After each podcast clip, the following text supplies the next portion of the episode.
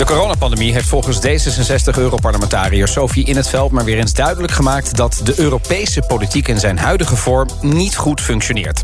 Ze schreef er het boek The Scent of Wild Animals over, oftewel de geur van wilde beesten. En ze is nu bij ons te gast. Mevrouw in het veld, goedemiddag. Goedemiddag. Ja, ik begrijp dat u zich voor de titel heeft laten inspireren door een uh, gezegde van wijle D66-oprichter Hans van Mierlo, hè? Ja, ja, die had dus over de Tweede Kamer gezegd... Uh, ik hou zo ontzettend van de geur van wilde beesten die hier hangt.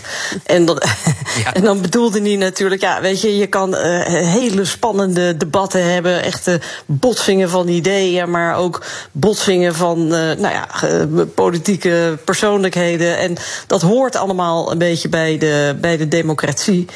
Um, en ik heb me daardoor laten inspireren omdat uh, ja, Europa ook hartstikke politiek is. Ook met grote politieke vraagstukken bezig is. Kijk naar Afghanistan, uh, klimaat, uh, klimaatbeleid, rechtsstaat. hoe krabbelen we op uit de COVID-crisis? nou, al die dingen zijn heel politiek. En toch wordt er altijd net gedaan alsof het ja, een beetje technisch, technocratisch... van nou ja, daar hoeven de burgers zich niet mee te bemoeien. Laat dat maar gewoon aan de regeringsleiders over. Die trekken zich wel terug achter gesloten deuren en die regelen het allemaal wel. Nou, dat klopt natuurlijk helemaal niet. En eigenlijk gaat mijn boek is eigenlijk een soort oproep aan het Europees Parlement. Dus mijn eigen instelling van jongens, wij moeten veel assertiever zijn uh, in het, het ter verantwoording roepen van uh, de commissie, van de raad. Uh, we moeten veel meer zorgen voor een echte politieke arena met die geur van wilde beesten. en Europa veel zichtbaarder politiek maken. Ja, um, maar is het, het is dus meer dan van u afschrijven? Want u wilt er daadwerkelijk ook iets mee bereiken. Namelijk, het is dus een, een opdracht aan het Europarlement waar u zelf, hoe lang, hoe, hoe, wanneer bent u daarin begonnen? Uh, 2004. Ja. En uh, ik zie dat, uh, en, en ook daarvoor werkte ik al in het Brusselse. Ik ben gekomen in 1994. Maar dan is het ook een dus oproep aan u zelf eigenlijk, hè? Want u... Ja, ja, ja. Nou ja, maar, nou ja tuurlijk. Oké, okay, maar ik spreek me dus ook uit. Mm -hmm. En ik, in, in, in de, de manier waarop ik mijn werk doe, draag ik dat ook uit. Maar ik zie ook wel, een, parlementen worden om de zoveel jaar opnieuw gekozen. En ik zie dat sinds de laatste verkiezingen eigenlijk het parlement ja, zwakker en meer timide is dan dat het was.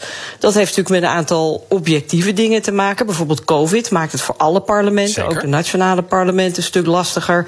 Uh, we hadden ook uh, een heel groot uh, aantal nieuwe leden, 60 procent. En nou, daarbij hebben we ook nog eens een keer zijn we er een heleboel kwijtgeraakt met de brexit. Dus dat zijn objectief zijn dat factoren die het moeilijk maken. Maar ik vind toch ook wel dat we als parlement echt wel uh, iets harder mogen bijten zo nu en dan. Uh, en, en vooral, hè, wij moeten formeel op grond van de verdragen, moeten wij de Europese Commissie uh, uh, ja, ter verant, die moeten ja. rekenschap laten afleggen. En ik vind dat we dat best wel wat assertiever mogen doen. Bijvoorbeeld als het nu gaat over de rechtsstaat. We zien dat de Hongaarse en de Poolse regering nou, gewoon druk bezig zijn de rechtsstaat af te breken. En dan zien we dat de Europese Commissie die, die, die heeft de middelen om dat aan te pakken, maar aarzelt en treuzelt en loopt ervoor weg. Waarom? Omdat de Commissie eigenlijk ook heel erg de oren laat hangen naar de nationale regeringen. Diezelfde nationale regeringen die wel heel hard roepen van uh, uh, je moet de andere lidstaten aanpakken, maar niet ons. Ja, maar dat, Daar gaat dat, de Commissie heel erg in mee. Dat, ja, maar Europa is toch eigenlijk gewoon een, een, een opeenstapeling, een verzameling van, van landen, de Europese Unie. Want nou, niemand denkt echt Europees. Sterker nog, um, die Europese Raad, uh, ja, die zijn ooit gekozen. Uh, u bent ook gekozen, gelukkig, hè, de parlementariërs. Ja. Maar ja. eurocommissarissen, ja. Ursula von der Leyen, president van de Europese Raad, niet. Um, uh, Nigel Farage, um, toen hij nog in het Europarlement zat, zei er ooit dit over tegen toenmalig president Herman van Rompuy. You have the charisma of a damp rag and the appearance of a low-grade bank clerk. And the question that I want to ask, the question that I want to ask, that we're all going to ask, is who are you? I'd never heard of you. Nobody in Europe had ever heard of you. I would like to ask you, President, who voted for you? Ja, ik behalve overigens wel echt heel erg als wilde beesten dit, hoor. Ja, dat wel. En ja. behalve de persoonlijke aanvallen die ik voor zijn rekening laat. De, de kern, who are you? Namelijk, ja. u representeert niemand. Is dat niet de kern waar het een beetje misgaat? Nou, in, in, in dat opzicht ben ik het met hem eens. En dat is ook wel een van mijn uh, grote zeg maar, uh, kritiekpunten in mm -hmm. mijn boek. Uh, wat we zien is dat, hoewel in de loop van de jaren eigenlijk het Europees Parlement steeds meer bevoegdheden heeft gekregen, zie je dat de echte macht steeds meer is verschoven naar de Europese Raad. Hè? Dus dat zijn de regeringsleiders. Ja. Uh, en dat is een heel raar orgaan, want die Europese Raad is niet gekozen, heeft geen mandaat, kan niet weggestuurd worden, is aan niemand verantwoording schuldig.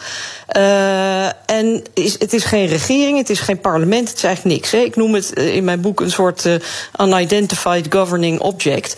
Um, En het, de, de, uh, het vervelende is dat die raad weliswaar dus steeds dominanter wordt en dan niemand verantwoording aflegt, maar tegelijkertijd steeds minder klaarmaakt. Die raad vindt geen antwoorden op migratie, op COVID, op het buitenlandbeleid, op veiligheid, op rechtsstaat, op nou, noem het allemaal maar op.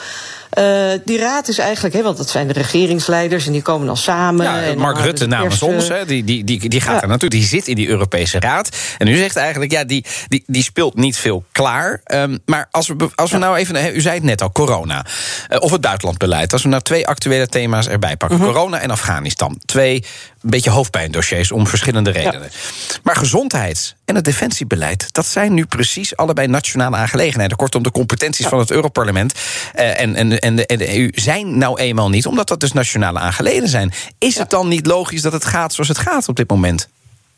Nou, uh, deels. Uh, kijk, en daar kan, je kan zeggen van, uh, oké, okay, nou, dat, dat is dan zo. En dan nemen we maar gewoon voor lief dat de dingen dus niet functioneren. Dat kan. Je, je, zal van een aantal dingen, zou je kunnen zeggen, we gaan dan in de verdragen regelen dat dat wel Europees beleid wordt. Maar allereerst wordt, is er nog heel veel meer mogelijk, ook binnen de bevoegdheden van de Europese Unie. Het kan. Kun u een voorbeeld noemen wat anders politiek, zou moeten? Maar maar bijvoorbeeld, nou, kijk, als je het hebt over Afghanistan, een van de grote discussiepunten op dit moment is uh, de vluchtelingen. Nou, dat is gewoon volledig Europees beleid. Maar wat zien we daar? Dan zitten die 27 regeringsleiders of hun ministers, die zitten uh, om de tafel. Die kunnen het onderling al jarenlang niet eens worden over gezamenlijk Europees beleid. Terwijl dat wel moet. Uh, maar waar ze met, wie ze het wel eens kunnen worden is van, nou ja, we gaan wel praten met de Taliban of met Iran of met Pakistan of met Erdogan of met Libië. Uh, dat kan wel. Ja, dat is natuurlijk heel raar. Dat je zegt, we kunnen met 27 Europeanen kunnen we het niet eens worden, dus besteden we het maar uit aan een dictator waar we het wel mee eens kunnen worden. Dat ik vind dat wel heel tekenend voor hoe die Europese Raad gewoon volstrekt dysfunctioneel is geworden. Nou, het is, kijk, ik zou dus zeggen als Europees Parlement.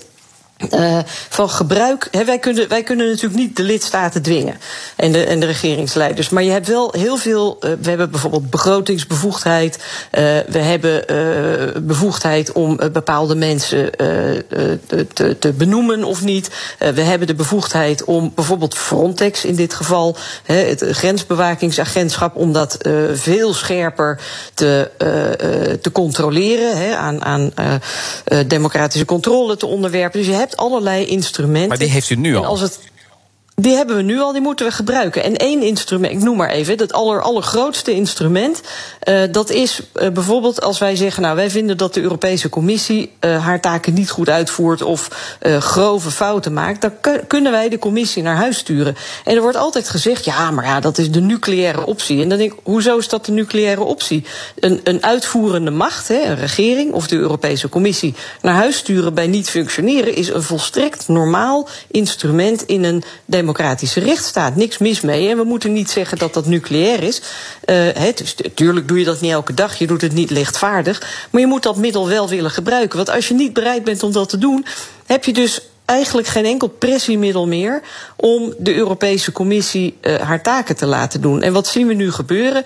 De Europese Commissie voelt dat uh, het Europees Parlement eigenlijk, hè, want we zitten nu niet eens op het punt dat we de Commissie naar huis willen sturen. We willen de Commissie bijvoorbeeld op dit moment voor de rechter slepen, omdat, omdat ze de, de, de rechtsstaat niet handhaaft in Polen en, en Hongarije. Ja. Nou, en dan zie je dat daar al heel veel aarzeling is. Terwijl ik zou zeggen, kom jongens, uh, gewoon even doorpakken. Want ja. het is niet het einde van de wereld hoor, als we de commissie voor de rechter slepen. Maar als ik u zo hoor, dan, dan moeten we het helemaal opnieuw in gaan richten. Vanaf de uh, grond deels. af. Want je moet ook van die veto's af bijvoorbeeld. Ja, de veto's, zijn niet, de veto's zijn niet eens het grootste probleem. Want als je kijkt naar uh, migratiebeleid, daar zijn geen veto's meer, formeel. Maar in de praktijk doen de lidstaten net alsof die er nog wel zijn. Dus het is ook een kwestie van, willen de lidstaten nog wel verantwoordelijkheid nemen voor Europa?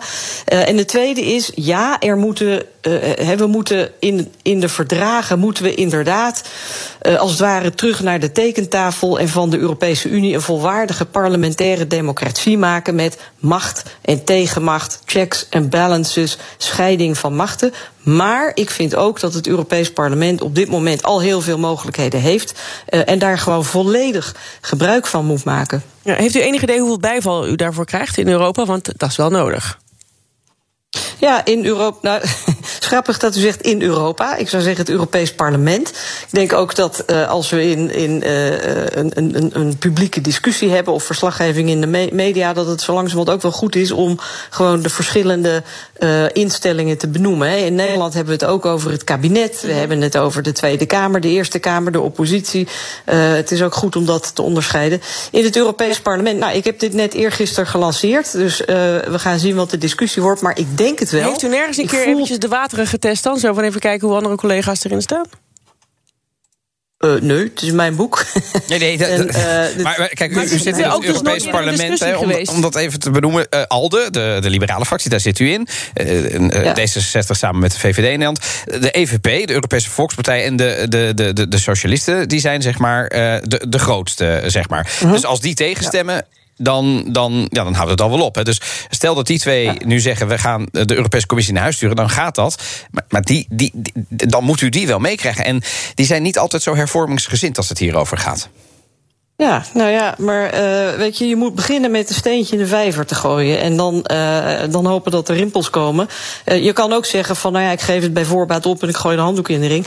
we nee, gaan nee, maar... het zien. En kijk, ik vind, ik vind wel als. Ja, ja, maar weet je, je kan altijd wel zeggen van, heeft het wel zin, want mensen zijn niet hervormingsgezind. Kijk, ik vind ook wel, als je even niet kijkt. Nee, het is gewoon een. Parlement, maar, even proberen te doen. Want uiteindelijk, u schrijft dit boek, en het is nog een, mooi boek. En nou, hebben het gelezen. Hè, u, u, schrijft aan het begin.